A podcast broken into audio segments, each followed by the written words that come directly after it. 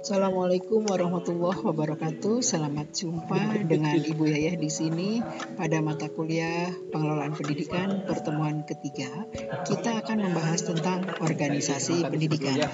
Sebelum kita mempelajari apa itu organisasi, maka saudara harus memahami definisi tentang organisasi.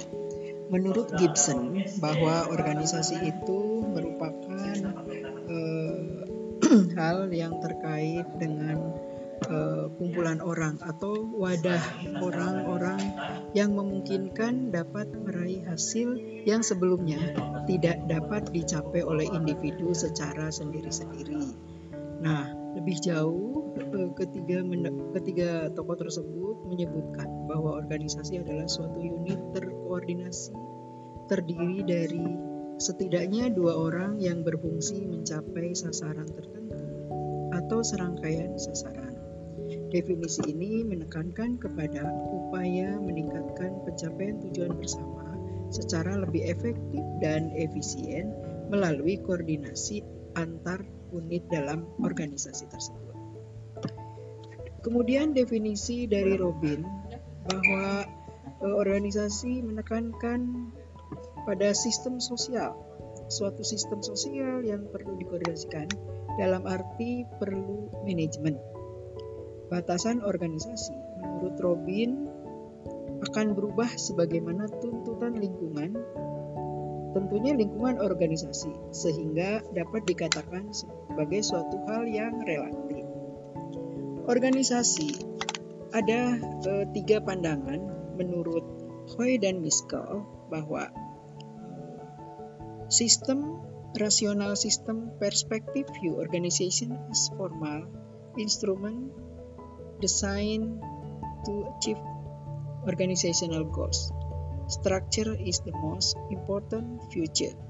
Telah ini menunjukkan bahwa dalam pandangan sistem rasional, menurut logika, organisasi merupakan instrumen formal yang dibuat untuk mencapai tujuan organisasi dan struktur yang merupakan aspek yang sangat penting atau aspek yang paling utama. Demikian untuk pengantar pertemuan awal tentang apa itu pengertian organisasi dari para ahli. Nah, saudara diminta untuk mempelajari lebih lanjut tentang definisi-definisi organisasi bisa dari sumber internet, dari buku-buku, dan dari jurnal. Terima kasih untuk pertemuan kali ini. Wassalamualaikum warahmatullahi wabarakatuh. Setelah kita mempelajari dan memahami tentang definisi dan gambaran organisasi, selanjutnya Ibu akan menjelaskan tentang jenis-jenis organisasi.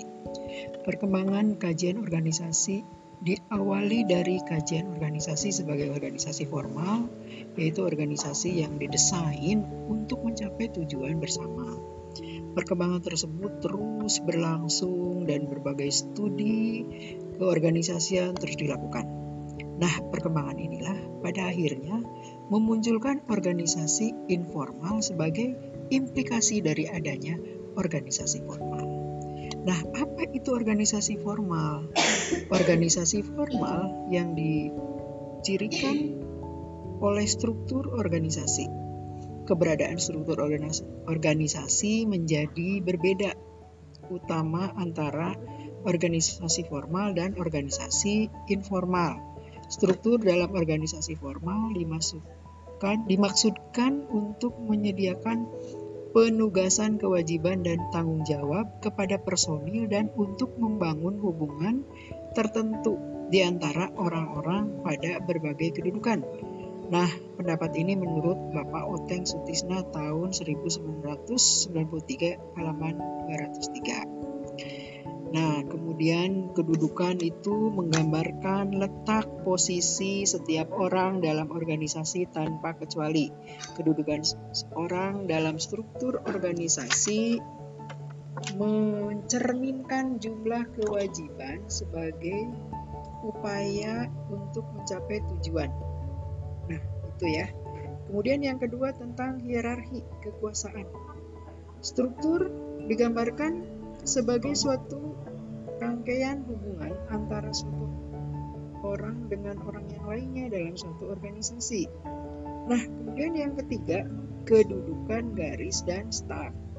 Organisasi garis menegaskan struktur pengambil keputusan, jalan permohonan dan saluran komunikasi resmi untuk melaporkan informasi dan mengeluarkan instruksi, perintah, dan petunjuk pelaksanaan. Nah, kedudukan garis adalah kedudukan yang diserahi kekuasaan administratif umum dalam arus langsung dari tempat yang paling atas ke tempat yang paling bawah. Kedudukan staf mewakili keahlian-keahlian khusus yang diperlukan bagi fungsi kedudukan garis tertentu dengan pasti. Ini sama ya menurut Bapak Oteng Sutisna. Terima kasih. Assalamualaikum warahmatullahi wabarakatuh.